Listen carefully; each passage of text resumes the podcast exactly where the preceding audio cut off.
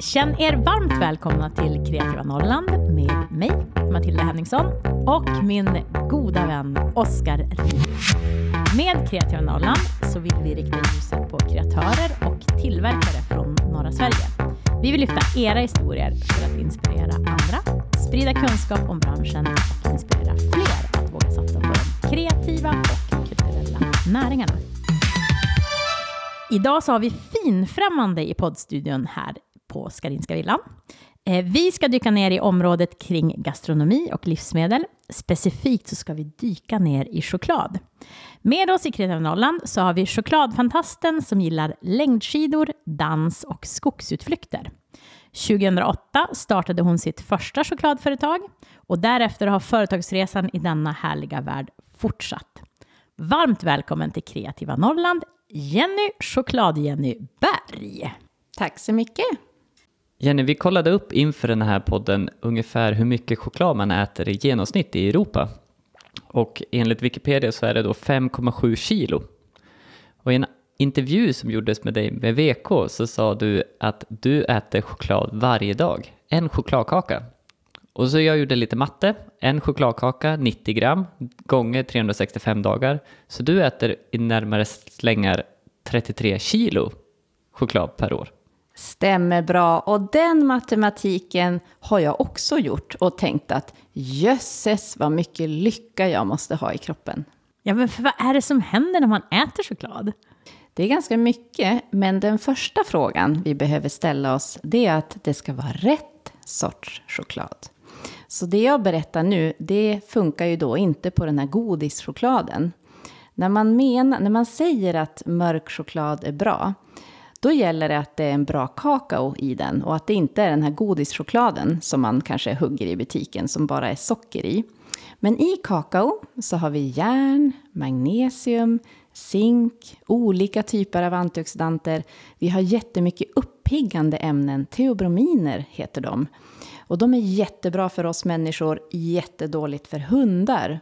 Hundar tål inte de här teobrominerna. Så att för hunden så är det jättedåligt med bra choklad och bättre med godis, skräp.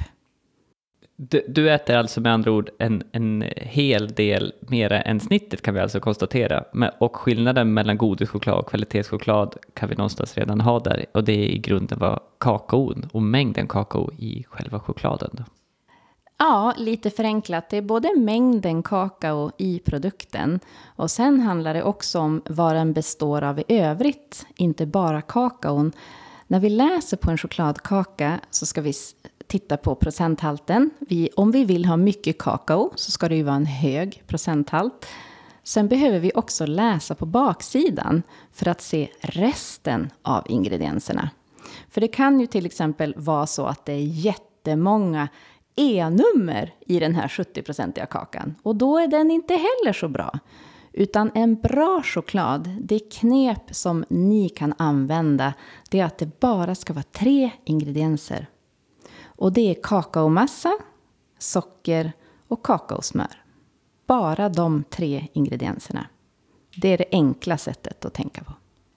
Och om det är smaksatt choklad, då är det en fjärde eller? Ja, då om den är smaksatt med blåbär då ska det stå ordet blåbär.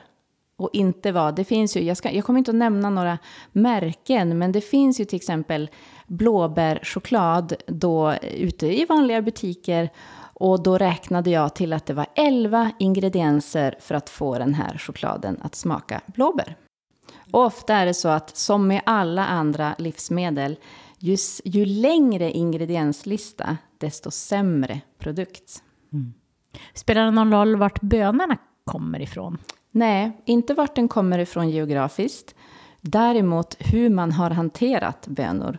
Precis som med kaffebönor så kan man rosta kaffebönorna på jättehög temperatur och då blir det ju mörk rost. Så det är samma sak med kakaobönorna, att är de rostade på hög temperatur, då försvinner ju antioxidanterna. Så att då spelar det ingen roll att man har läst i tidningen om att det är jättemycket antioxidanter i kakao.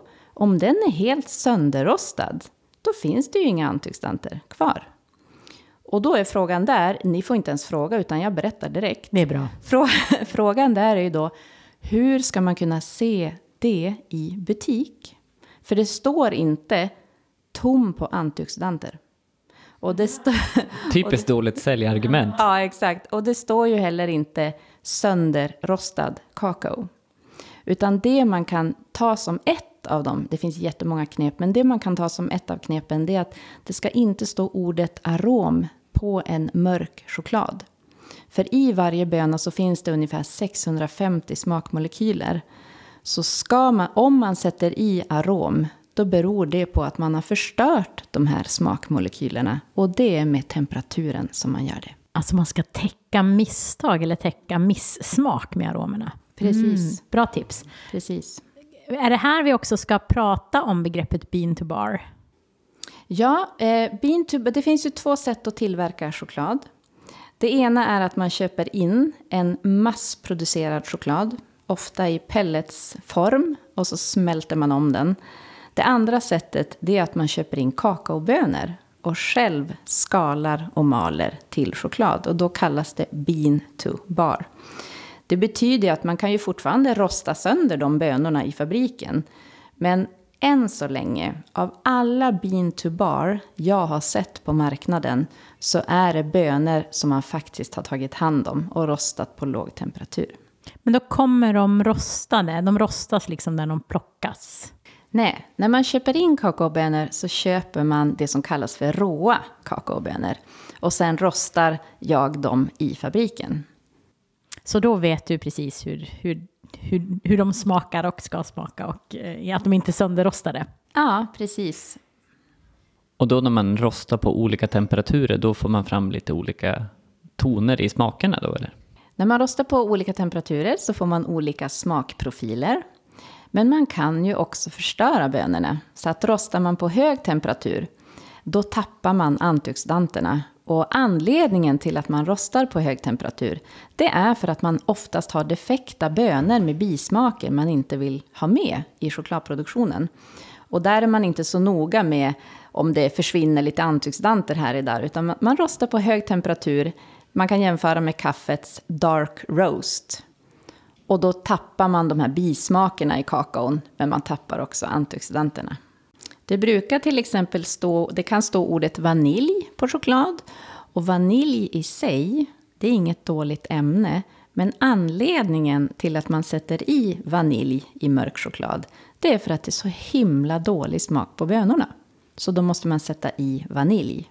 Och det betyder att då får ni inte smaka hur den här kakaon faktiskt smakar. Utan ni äter en vaniljkakao istället. Och det som är ännu värre, det där är ju inte så farligt i sig, men ofta så istället för, för eh, vanilj så kan man ha ett ämne som heter etylvanillin. Och det är samma ämne som brukar ingå i toalettrengöringsmedel. Så budskapet här är ju tydligt, läs på baksidan av chokladförpackningen. Vi ska inleda med en faktaruta. Så fullständigt namn? Jenny Evelina Berg. Ålder? Då måste jag tänka. Jag tror att jag är 44 nu.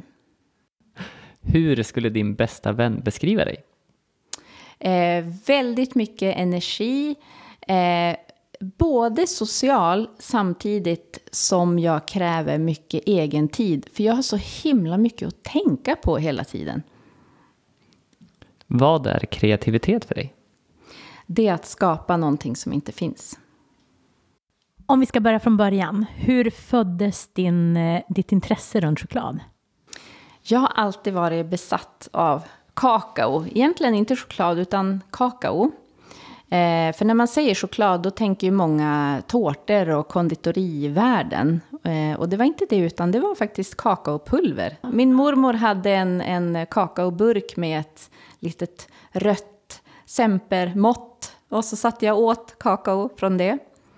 Och sen när jag var 14 år, då åkte jag till England till en chokladfabrik. Och bad dem att de skulle anställa mig. Och då sa de att det går ju inte, för att du är för ung, vi kan inte ordna några papper. Och då sa jag, det, behöv, det behövs inga papper. Eh, och på något sätt så lyckades jag prata in mig där, så jag fick nästan ett jobb. Jag tyckte att det var ett jobb. Och så fick jag betalt i praliner. Jag fick lära mig hantverket i den chokladfabriken som 14-åring. Och sen fick jag 30 kilo choklad i lön. Och den tog jag med mig hem.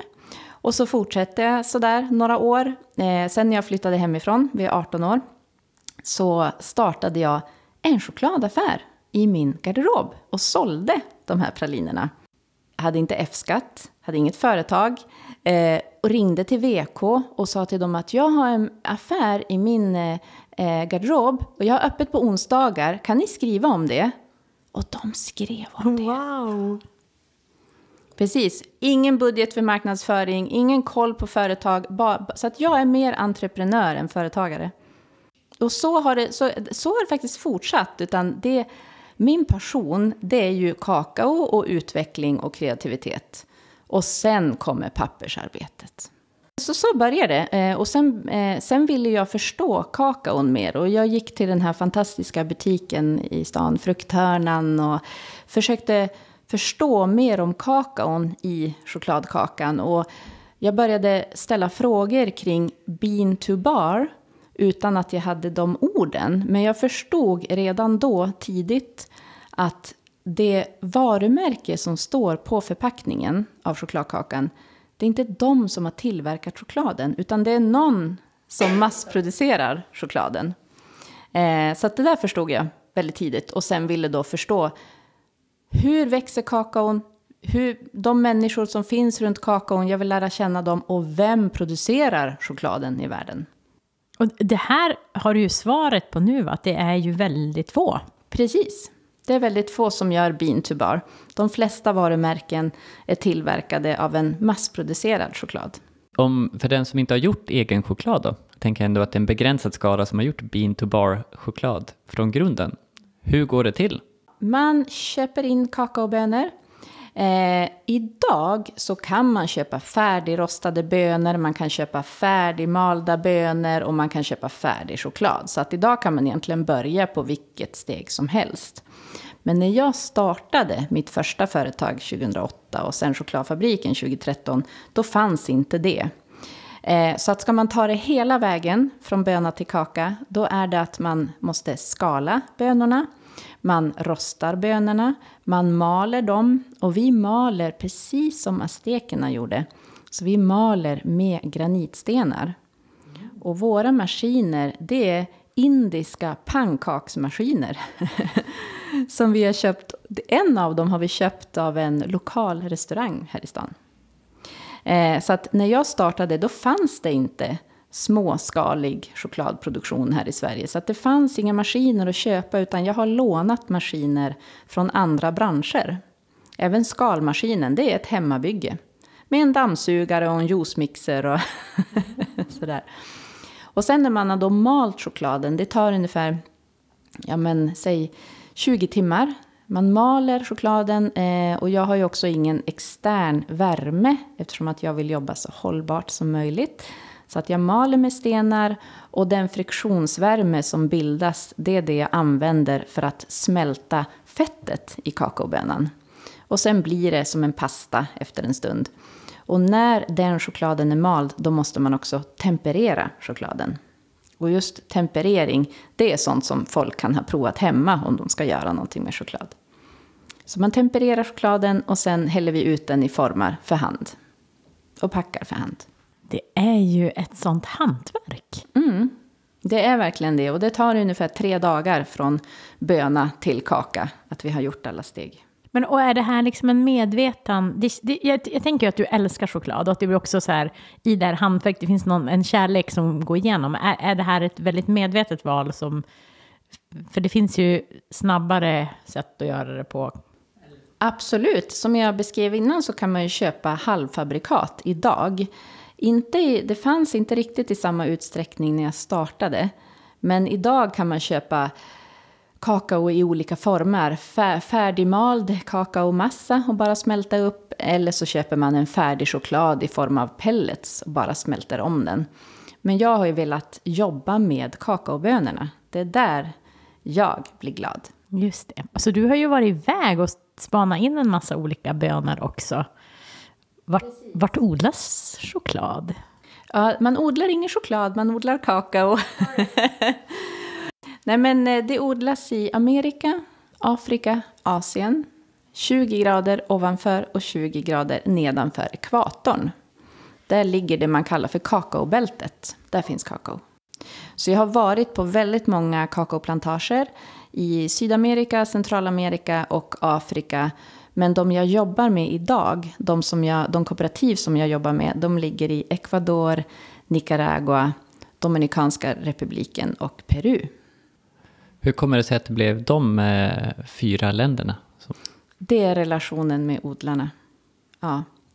Eh, i, jag var till exempel på eh, Madagaskar och såg att här är det verkligen inte bra villkor för odlarna. Och jag kommer själv inte att kunna ordna det här, så att jag vill inte bidra till det här. Utan det här måste en större organisation hjälpa till med. Så att jag har känt att jag vill jobba där min insats kan göra skillnad. Och jag jobbar också med kooperativ som när jag jobbar med dem så kanske de inte ens är ett kooperativ utan det är familjer som har en kakao och så småningom så går de ihop och bildar ett kooperativ. Så att när jag har handlat bönor så har det också varit med hjärtat. Inte kanske de som har kommit längst. Så att de, och när jag säger kommit längst, det betyder att de gör kakao som går att tävla med. De har utvecklat smakerna under lång tid. Utan det är familjer som har kakaoträd. Och så har de provat att torka det. Och ofta så gör de dryck själva på den här kakaon. Och då har jag velat utveckla smakerna tillsammans med dem. Och det är fantastiskt, men det kan också gå väldigt fel. Så att jag har fått hem bönor som är nästan på väg att ruttna för att de var inte torkade tillräckligt mycket. Och då får vi göra ett kakaoplantage i fabriken. För det här med hållbarhet har jag förstått det är väldigt viktigt för er. Både den sociala hållbarheten som du pratar om här men även den miljömässiga. Vad, hur jobbar ni med de här frågorna? Ja, hur vi jobbar med hållbarhet är ju ett jättestort kapitel. Eh, och hållbarhet för mig, det är att det ska följa med i alla led. Så att man inte väljer hållbarhet när det gäller förpackningen och så har man skräp inuti. Eller att man har ekologisk kakao men man har en jättedålig policy för personalen i fabriken. Utan det måste genomsyra hela verksamheten och det är det vi gör. Nu är det dags för chokladprovning. Ja, kul! Ja. För, då sa du ju Jenny eh, att då vill du att vi ska prova någonting väldigt, väldigt speciellt. Ja. Jag har ju alltid med mig choklad i väskan som jag äter själv. Det, det tackar är, vi för. Ja, och det är då 85 ren och så en kaffechoklad. Men sen idag har vi gjort ett experiment med kakao från Vietnam. Ja, eh, jag har ju kompisar såklart över världen som då skickar lite spännande kakao då och då. Inte för att jag ska göra choklad och sälja på det, utan bara så här, ah, jag hittade det här, testa. Så då fick jag lite kakao från Vietnam och så har vi testat det och den doftar eh, rökig tobak. Mm, mm, spännande. Så det är den där andra. Ja, vad roligt. Eh, då tänker jag, ska du guida oss i hur vi gör det här? Ja. Vill ni ta för er av en bit? Ja, gärna. En stor bit. Dela? Så den här chokladen, den är alltså mald, rostad eh, i förrgår och sen mald igår, färdigmald idag. Och sen har vi tempererat den och hällt ut i en form. Den är helt eh, ny från... Helt ny. Wow. Är det eh. första gången du gör på Vietnam? Ja. Så du har inte varit där och smakat någon annan Precis, heller, där har jag inte varit. Och jag har aldrig smakat... Eh, jo, jag har faktiskt smakat choklad från Vietnam. Men inte gjort själv. Eh, så det här var jättespännande och jag har provat den tidigare idag. Men och testa, den är 85-procentig eftersom att jag tycker bäst om 85. Så, och när vi nu ska testa, hur går vi tillväga? Ja, eh, dels så kan ni dofta på chokladen. Det ska man alltid göra, dofta. Den luktar väldigt gott. Mm. Och sen kan ni, eftersom att det här är en podcast, så kan vi ju också lyssna på chokladen. Mm. Och det ni gör då, det är att ni ska bryta den. Det är, det är en fantastisk bild det här annars när vi båda stoppar chokladen till örat. Ja, nu skulle jag ha fotat här när de lägger eh, chokladen vid örat. Ska vi prova? bryt den. Ja, ja. bryt du. Vi provar knäcka in i. Precis, det ska höras ett litet knäpp. Mm.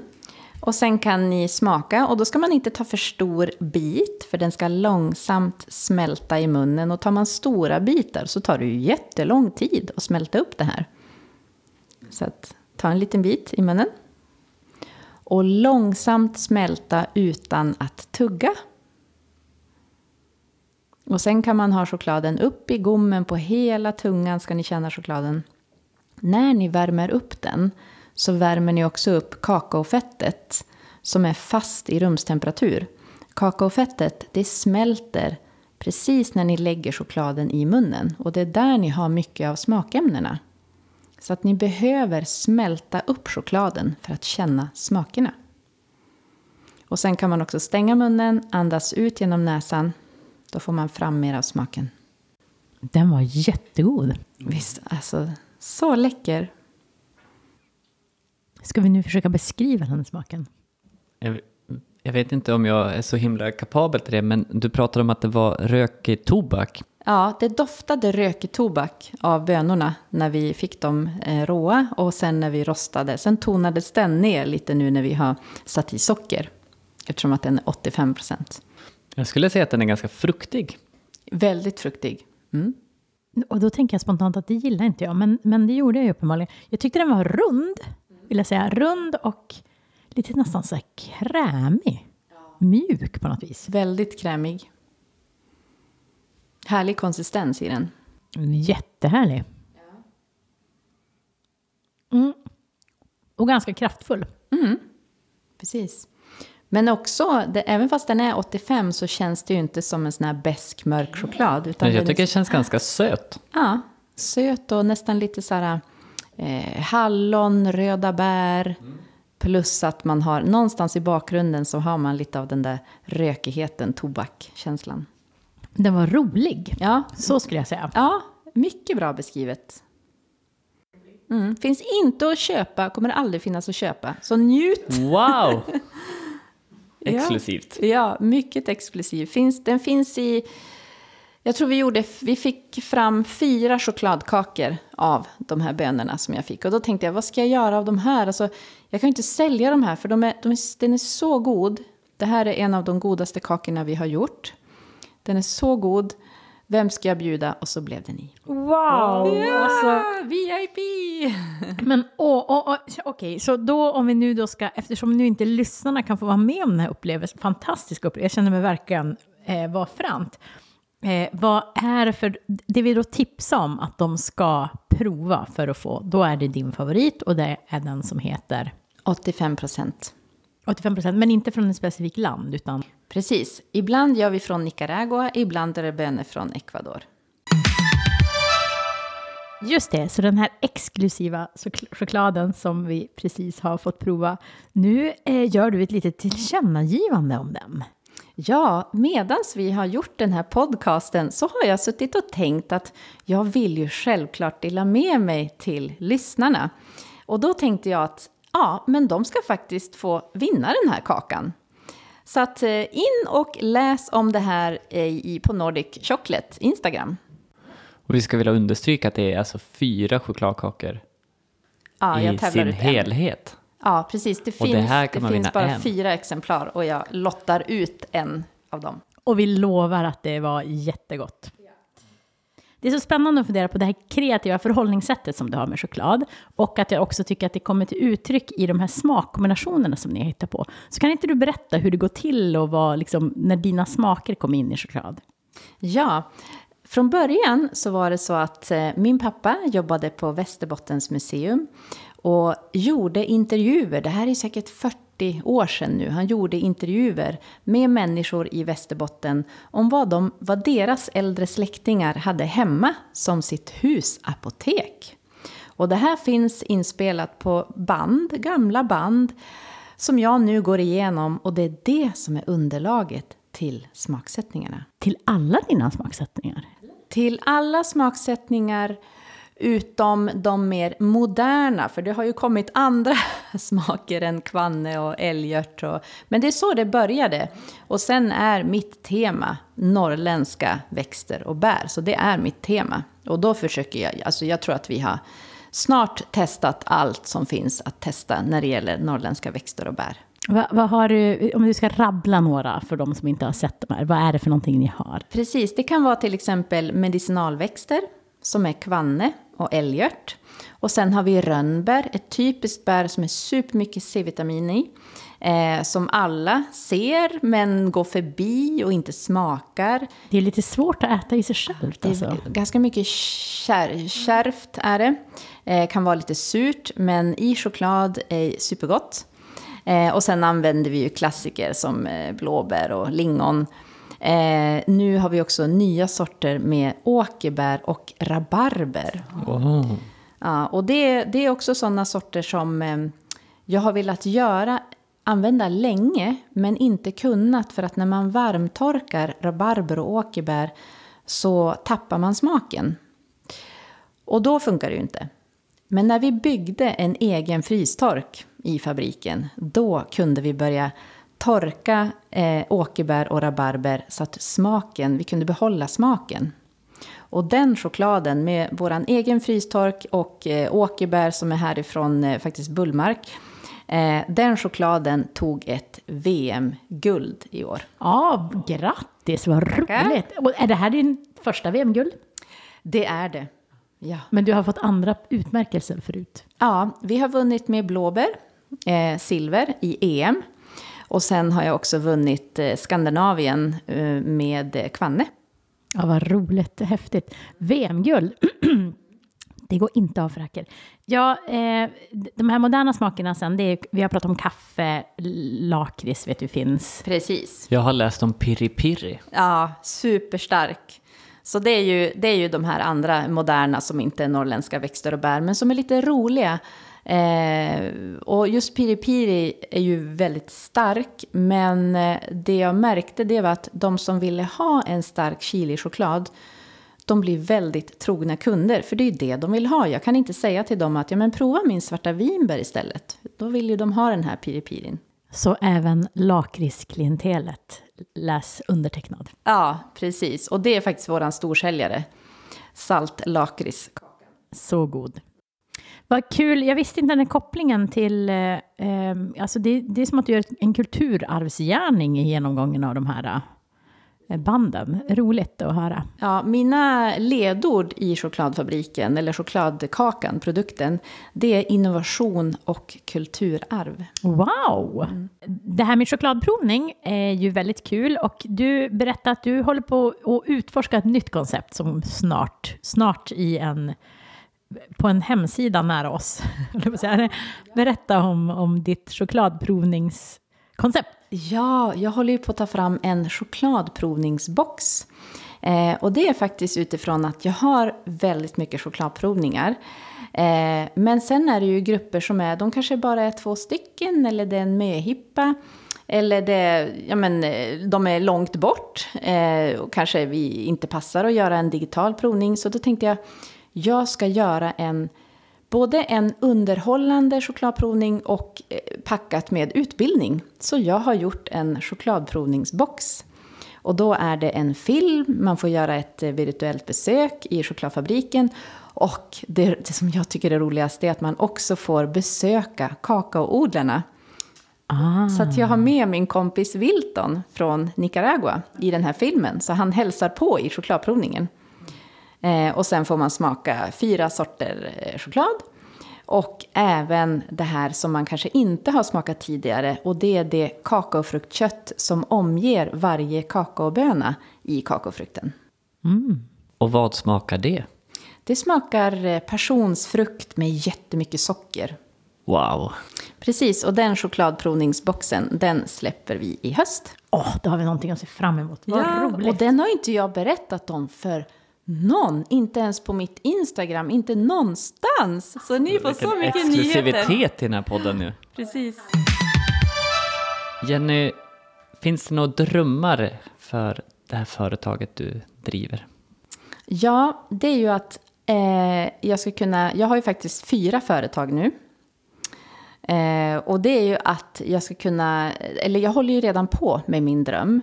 Eh, och, och drömmen är att kunna skapa cirkulär produktion Och innovativ hållbarhet, det är därför jag driver fyra olika företag. För att till exempel kunna ta vara på kakaoskalen, då behöver jag ett annat företag där jag kan göra en kakaosprit på skalen.